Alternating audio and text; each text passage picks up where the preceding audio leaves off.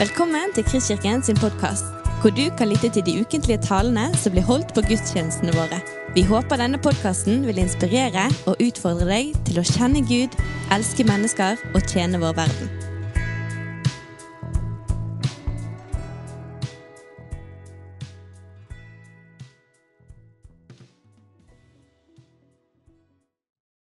Mitt navn er Ann-Kristin Strøm, og jeg har hørt til denne menigheten her i eh, en haug av år, siden 80-tallet. Men eh, prekt på en gudstjeneste det har jeg gjort bare en halv gang, og da som bønneleder, faktisk. Til vanlig er jeg lærer på helse- og oppvekstlinja på Danielsen. Det er eh, litt av en tekst jeg har fått lov til å dele om i dag. En tekst jeg håper kan få fram noe av Jesus sin storhet, nåde, barmhjertighet, autoritet. Og refleksjoner rundt dette med å røre ved, bli berørt av Jesus. Og kanskje vi kan øve oss på det. Jeg ber, og be med meg. Jeg ber om at du skal bli stor, Jesus. At det du ønsker å formidle, far, skal komme fram og bli husket. At du, Hellige Ånd, kommer og åpner hjertene våre for det som den enkelte skal ta med seg videre. Jeg ber om at ditt ord kommer og gjør sin gjerning og skaper noe i vekst, noe til vekst i livet sammen med deg. Sist jeg var i Israel, jeg har fått vært der mange ganger, det er jo fantastisk, så Det var faktisk eh, vinteren 2020, rett før covid. Så var jeg også i Magdala. Det er en by, eller det er et lite sted. Eh, og så har de gravet ut eh, masse, ny, et nytt senter der, i Magdala. Og der har de funnet en synagoge som de mener Jesus kan ha vært i. Et sted i det senteret der så var det, det var mange små kapell de hadde lagd. Og et sted så var dette bildet her. Det er svært, det er flere meter langt og, og noen meter høyt. Eller et par meter, i hvert fall. Dekker hele ene veggen. Og det viser altså mange føtter, sandaler og en kappe. Og så er det en hånd som strekker seg ut og rører ved kappen. Og det er denne teksten vi skal få være i nå. Det er en fantastisk sterk tekst. Og jeg eh, blir veldig glad. Jeg blir veldig oppmuntret og oppløftet av å være i denne teksten. Eh, jeg skal lese. Skal vi se, Det står vel også her et sted. Litt smått der. Men det var eh, Markus 5, 25-35. Det var en kvinne der som hadde hatt blødninger i tolv år. Hun hadde lidd mye hos mange leger. Alt hun eide, hadde hun brukt uten å bli hjulpet. Det var heller blitt verre med henne. Hun hadde fått høre om Jesus, og nå kom hun bakfra i folkemengden og rørte ved kappen hans. For hun tenkte, om jeg bare får røre ved klærne hans, så blir jeg frisk.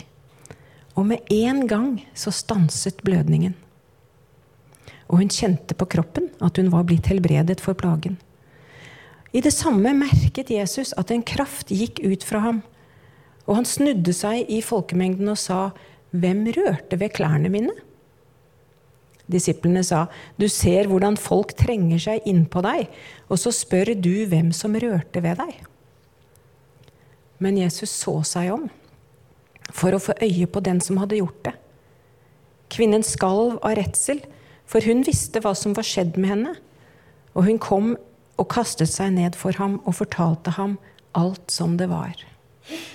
Da sa han til henne, Din tro har frelst deg, datter. Gå bort i fred. Du skal være frisk og kvitt plagen din. Det er en veldig sterk tekst. Kortversjon. En kvinne strekker seg ut etter Jesus og blir berørt av han. Og det er mange spørsmål. Og det er alltid mange innfallsvinkler når du skal begynne å legge ut en tekst. Så jeg må velge. Jeg kan stoppe, og det er mange spørsmål og det er mange vanskeligheter i denne teksten også. Helbredelse, f.eks. Hvorfor ble ikke alle helbredet? Det var mange som rørte, eller de trengte seg på. Hvorfor, hvorfor var det bare hun som ble frisk? Og dette med tro. Din tro har frelst deg. Å nei, denne teksten her orker jeg ikke. Det er for mange vanskeligheter. Men jeg har lyst til å ta tak i noe annet som jeg ble så fascinert av. Og det er eh, ordene 'røre ved' og 'bli berørt av'. Det står ikke 'bli berørt av', men det står 'å bli rørt av'. Se på de røde ordene der. Fire ganger i denne ganske lille teksten her. Det er bare ti vers. Og så er det eh, fire ganger 'rørt ved' eller 'bli berørt av' eller 'rørt', 'rørte ved'. Og nå har ikke jeg gått inn i noe leksikon verken på norsk eller eh, gresk eller noe andre språk, men å røre ved er jo ganske konkret. Jeg rører ved talerstolen. Det er fysisk. Men det er også noe mer. Du kan bli rørt av at noen snakker pent eller stygt til deg. Du kan bli berørt. Og du hører det på en måte litt bedre når vi snakker om å bli berørt, for da er det ofte noe inni oss, tenker vi. Disse to ordene fascinerte meg veldig, så jeg skal være mye der nå. Og da kan vi spørre oss sjøl når sist rørte jeg ved Jesus? Eller strekte meg ut og rørte ved Jesus? Når sist ble jeg berørt? Kan vi øve oss på å gjenkjenne det? Det syns jeg er veldig spennende. For sånn kan vi komme nærmere til Jesus i relasjonen, dybderelasjonen med han, tror jeg. Men hvem er Jesus for deg? Hvilket bilde av han har du? En ting jeg husker fra Reidar Paulsen tidlig på 80-tallet i Frikirken, så talte han mye om hvilket bilde vi har av Jesus. Jeg vet ikke helt hvor mye han talte, men jeg har i hvert fall tre kassetter et sted. Med blå etikett. Jeg har spart på de. Og den taleserien het noe sånn som 'Sett meg så jeg ser deg, Jesus'. Kanskje noen av dere andre husker det også. Og Der snakket han om å få sterkere farger på Jesusbildet. Er du opptatt av det nå for tida? Hvilket bilde av Jesus har du? Kanskje du har vært kristen lenge, og kanskje du ikke tenker så mye over det nå, egentlig? Hvilket bilde, hvilke farver har du av Jesus, eller på Jesusbildet ditt? Eller kanskje du ikke har vært kristen så lenge, og ikke hatt tid ikke hatt mulighet til å utvikle farvene på bildet av Jesus. Og da inviterer jeg deg til å høre godt etter. Den reisen er veldig spennende. Så vi ber igjen, sett oss så vi ser deg, Jesus. Og la oss, Hellige Ånd, få sterkere farver på bildet av Jesus, på opplevelsen av Jesus. Jeg har også lyst til å prøve å formidle noe på en måte for det kreative indre, hvis det er noe som heter det. Ikke så veldig sånn teologisk på et vis. Jeg har latt meg fascinere av hele historien. Og eh, jeg har lyst til å invitere deg til å være med og bare kjenne etter. Pust, hvil, vær i historien sammen med meg. Og se hva som skjer i ditt indre. La deg berøre her og nå. For Jesus vil jo berøre oss også. Han vil jo ikke bare berøre kvinnen for 2000 år siden. Det er jo her og nå. Det er derfor vi er her. Fordi vi vil ha med Jesus å gjøre. Så bruk fantasien. Og der kunne jeg sagt mye om fantasien. Er ikke det litt farlig, da? Å nei, vi må ha teologi, vi må ha sånn og sånn. Nå er ikke det noen motsetning, da. Men jeg måtte kutte ned på en del jeg hadde lyst til å si. Men Gud har også skapt fantasien. La det være klart. Så resten av prekenen har jeg delt i to på en måte. Først så går jeg gjennom eh, teksten sånn jeg tenkte meg den. Jeg satt og bare lot bare skrev. Det var veldig, veldig spennende. Og så de ti siste minuttene. Det tar en ti-tolv minutter, det første der også, faktisk. Så får holde ut. De ti-tolv siste minuttene så, jeg, så, så jeg på det jeg hadde skrevet, og så lagde jeg noen punkter ut ifra det jeg nettopp hadde sett, på en måte. Til hjelp i hverdagen vår. Kanskje det kan hjelpe oss å berøre Jesus. Så her har vi en kvinne. Skal jeg ta det bildet igjen? Ja, det var det jeg glemte jeg der. Hvem er Jesus for deg? Det var det jeg sa i stad. Gi oss sterkere farger. Så jeg skal la det bildet av den mosaikken stå nå framover. Vi har en kvinne. Hun er uren, og hun vet det. Det står veldig tydelig i eh, Tredje Mosebok. Når en kvinne har utflod slik at hun blør i mange dager uten at det er tiden for menstruasjonen hennes, eller den varer i lengre tid enn normalt, da er hun uren så lenge det varer. Hun skal være uren. Alt hun ligger på, blir urent. Alt hun sitter på, blir urent. Og den som rører ved det, blir uren. Han skal være uren til kvelden. Så hun er isolert. Sånn er det. Og ifølge Gamle Testamentet mange steder så kan du heller ikke komme fram for Gud hvis du er uren. Da skal du dø.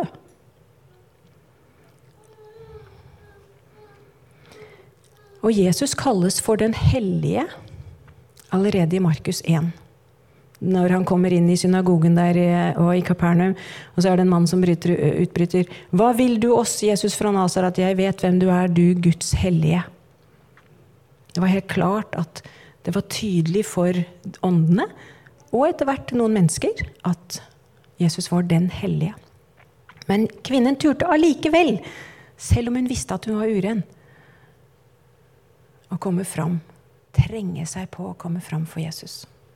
For om mulig å berøre kappen hans. Kanskje hun kunne bli frisk. Det står at hun hadde hørt. Hva hadde hun hørt? Det har jeg ofte lurt masse på. Hva har du hørt? Hva har du hørt om Jesus som gjør at du er her i dag? Hva har du hørt om Jesus? Hvis vi ser tidligere i Markusevangeliet, dette var jo kapittel 5 vi er i nå, men hadde hun hørt at han var den hellige? Ja, kanskje, antagelig. Hadde hun hørt at han stillet stormen? Hadde hun hørt at han kalte til seg venner for at de skulle være sammen med han? Det hørte vi jo Sondre snakke veldig fint om sist. Hadde hun hørt at folk strømmet til For det står 'han helbredet mange', og alle som hadde plager, trengte seg fram for å røre ved ham. Kanskje det var det hun hadde hørt? Dette ville hun også prøve. Kanskje hun hadde hørt at han hadde fridd ut en mann fra en legion ånder. Kanskje hun tenkte at hun hadde en ond ånd. Kanskje hun kunne bli helbredet. Jeg vet ikke hva hun hadde hørt. Men kunne hun tenke at han brydde seg om henne? Se på hele den folkemengden. Skulle det være noe vits at hun trengte seg fram? Det er ikke sikkert hun var så veldig opptatt av det da, for hun ville kanskje ikke bli sett. Men hun skulle bare røre litt ved dusken. Det var jo skummelt nok. Hun kunne jo ikke vise seg. Bare røre bitte lite grann ved dusken. Og det står Hun visste hvorfor duskene var der. Det står et sted, i Fjerde Mosebok, Eh, dere skal ha dusker på kappeflikene. Slike dusker skal dere ha. Slik skal dere minnes alle mine bud og leve etter dem. Hver gang dere ser på dem, skal dere huske på alle Herrens bud. Dere skal være hellige for deres Gud. Så de duskene skulle jo minne henne, Jesus, og alle som så duskene, de skulle jo minne de på å leve rent. Og så var hun som var uren, skulle da berøre akkurat den. Men hun ville ta sjansen. Hun hadde hørt nok til å tro. Hun ville ta sjansen. Hun ønsket å prøve. Hun var i ferd med å gå under av ensomhet, isolasjon, skam. Hun orket ikke å ha det mer sånn. Hun var fattig. Hun hadde brukt alt hun eide, på å prøve alskens mulig. Doktorer, leger, og det hadde bare blitt verre med henne. Hun var så lei. Både seg sjøl, hun var lei kroppen, situasjonen, isolasjonen. Mørket. Skammen, sikkert. Kjenn etter. Det er ikke noe god situasjon. Så hun prøvde å strekke seg ut. Men så ble hun forstyrret. Synagogeforstanderen står det like før vår tekst, men det er på en måte i sammenhengen der. Jairus. Nei, han løp Han kastet seg ned foran Jesus. han. Det var jo ikke noe sak for han. Han hadde jo ingenting å skjule. Og han ba Jesus om å komme hjem til seg, for den lille datteren hans var syk. Nei, han hadde ingenting å skjule. Han var ikke redd for å bli sett. Nå hadde hun jo kvinnet seg opp, mannet seg opp, kvinnet seg opp. Hun bare måtte. For det var ingen som så på henne. Hun var isolert, som jeg sa. Forlatt. Hun hadde ingen verdighet igjen. Det var på en måte ikke noe liv.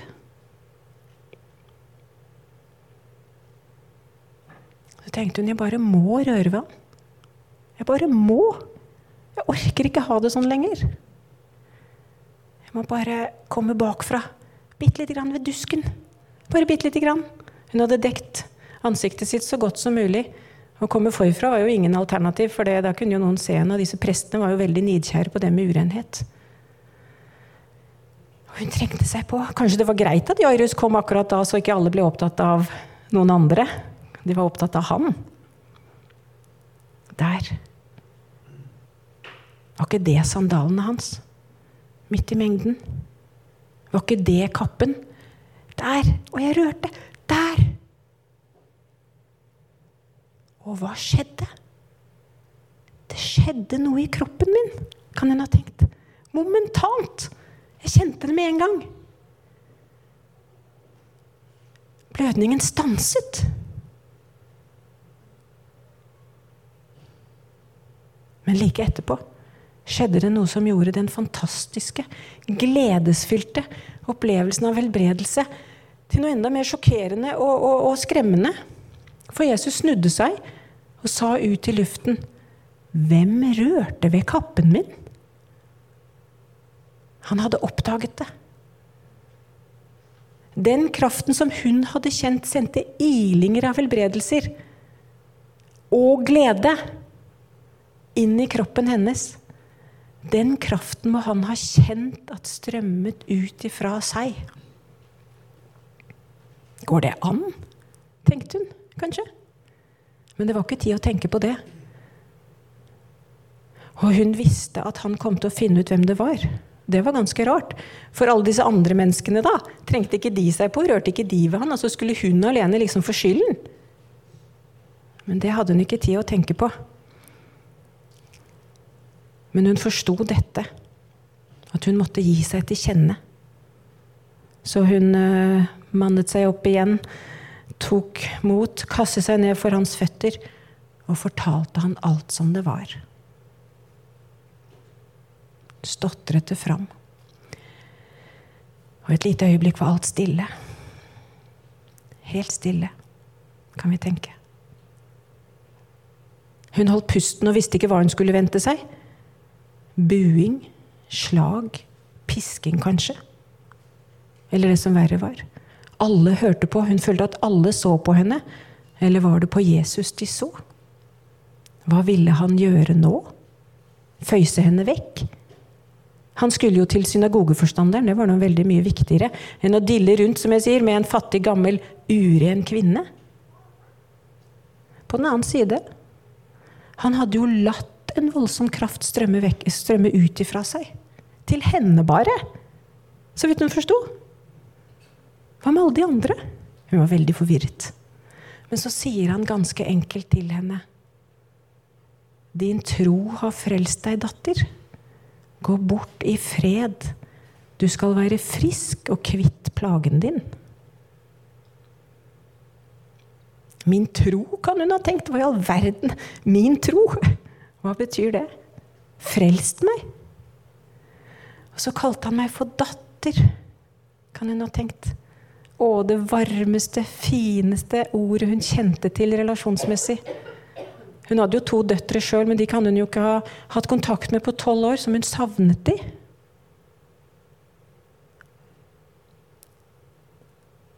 Han kalte henne datter. Hun fikk lyst til å kalle han for Abba, ja, fordi han kalte jo henne for datter. Og ved det så kjente hun at han inkluderte henne igjen. Hun kunne reise seg. Og så sa han at hun kunne gå bort i fred. Fred hadde hun da heller ikke kjent på over tolv år. Hun hadde nesten glemt hvordan det var. Men opplevelsen av fred kom samtidig med den følelsen av kraft som kom ut fra ham. Fred! For en lykke! Bare det, og i tillegg skulle hun være frisk og kvitt plagen sin. Hun kunne ikke tro det, men hun kjente det jo.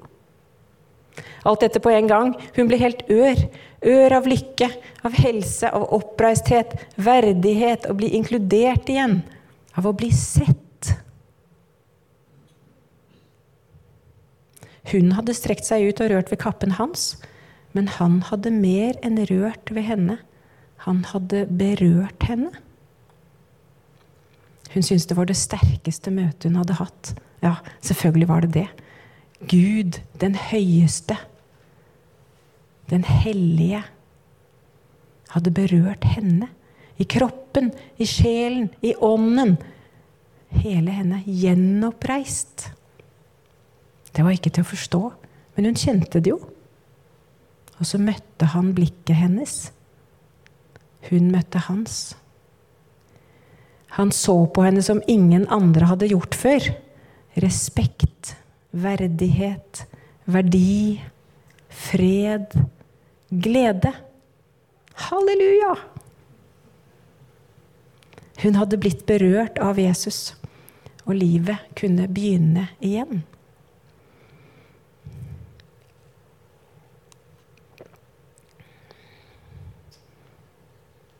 Så dette satt jeg og på en måte lot tankene fly her en kveld på hytta tidligere i sommer. Det var veldig spennende. Og jeg oppmuntrer oss til å gjøre det med ulike tekster når vi kan. For Gud vil jo berøre oss. Han vil snakke til oss. Så kan vi gå tilbake til spørsmålet, da.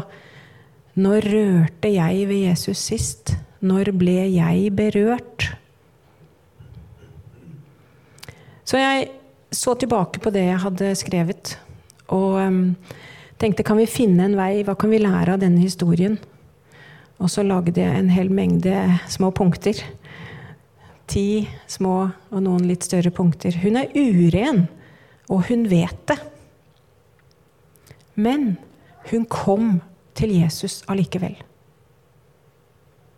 Hun kom til Jesus allikevel. Hun hadde hørt om Jesus. Fyll deg med ordet om Jesus. Les om han, hør vitnesbyrd om hva han gjør og har gjort. Fyll deg med ordet.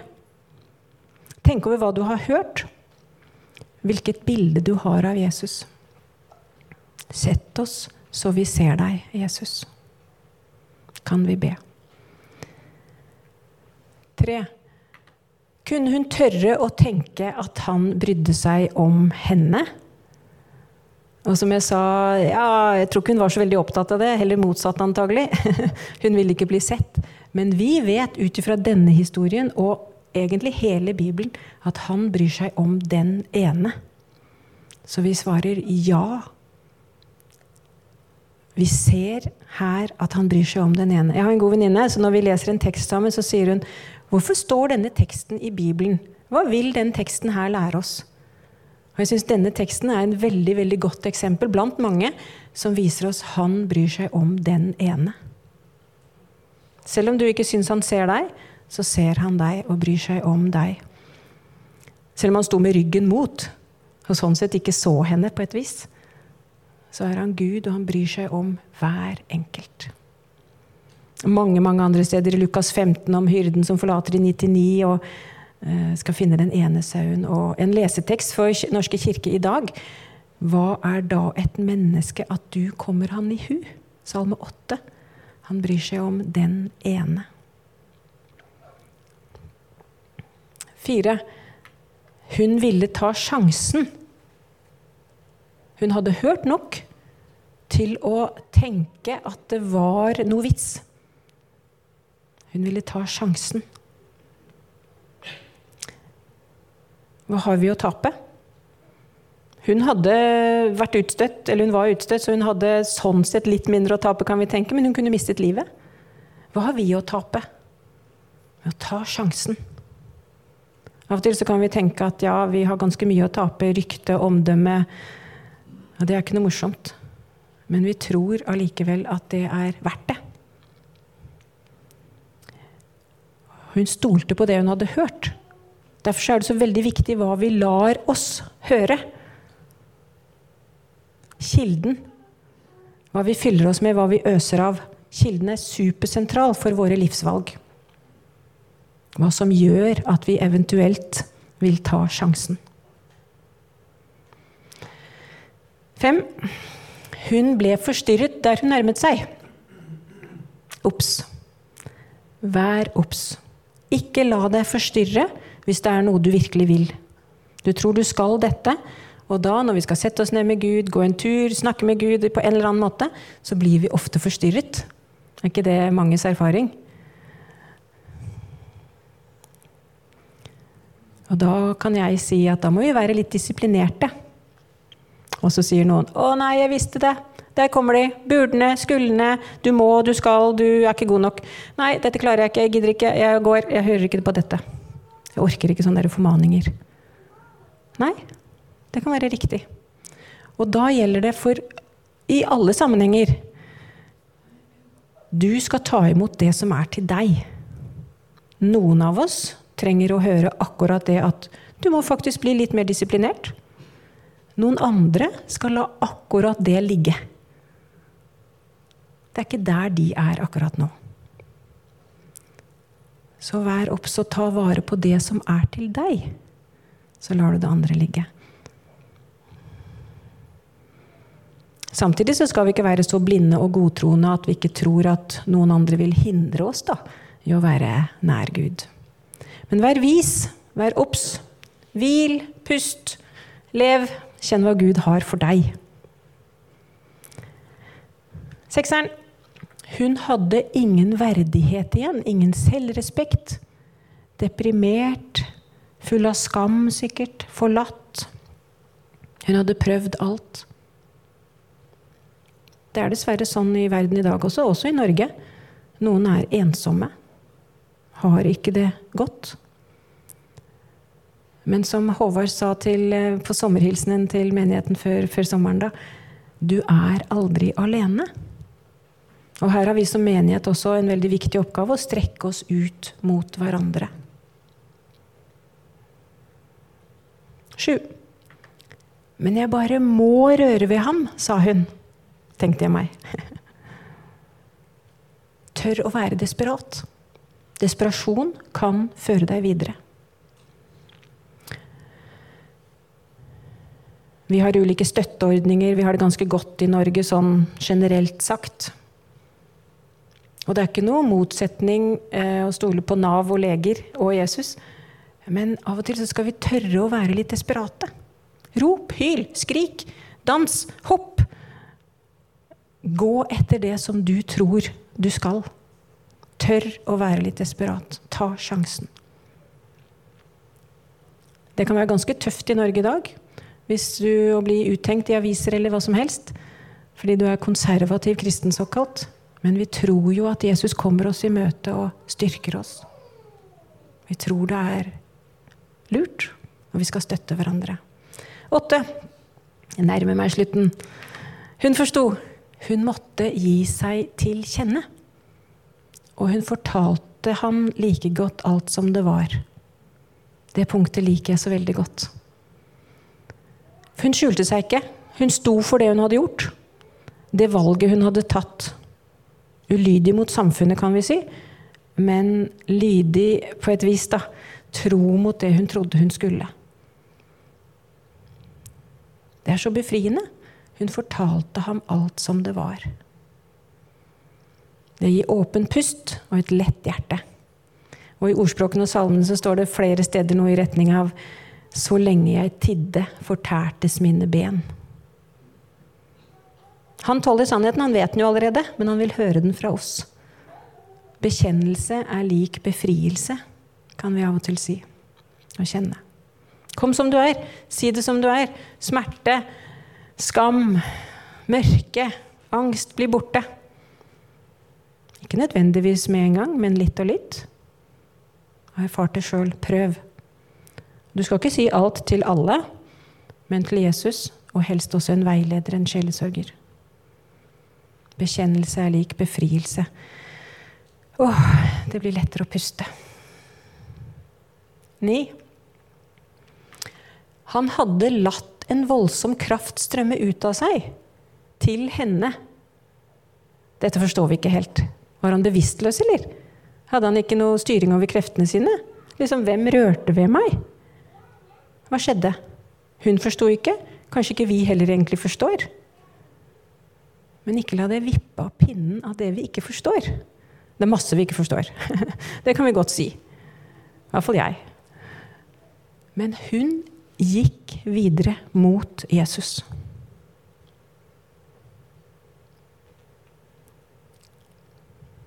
Det siste punktet i denne rekka her. Din tro har frelst deg, datter. Gå bort i fred. Du skal være frisk og kvitt plagen din, sa han. Han møter oss med varme, mildhet, barmhjertighet, nåde og autoritet.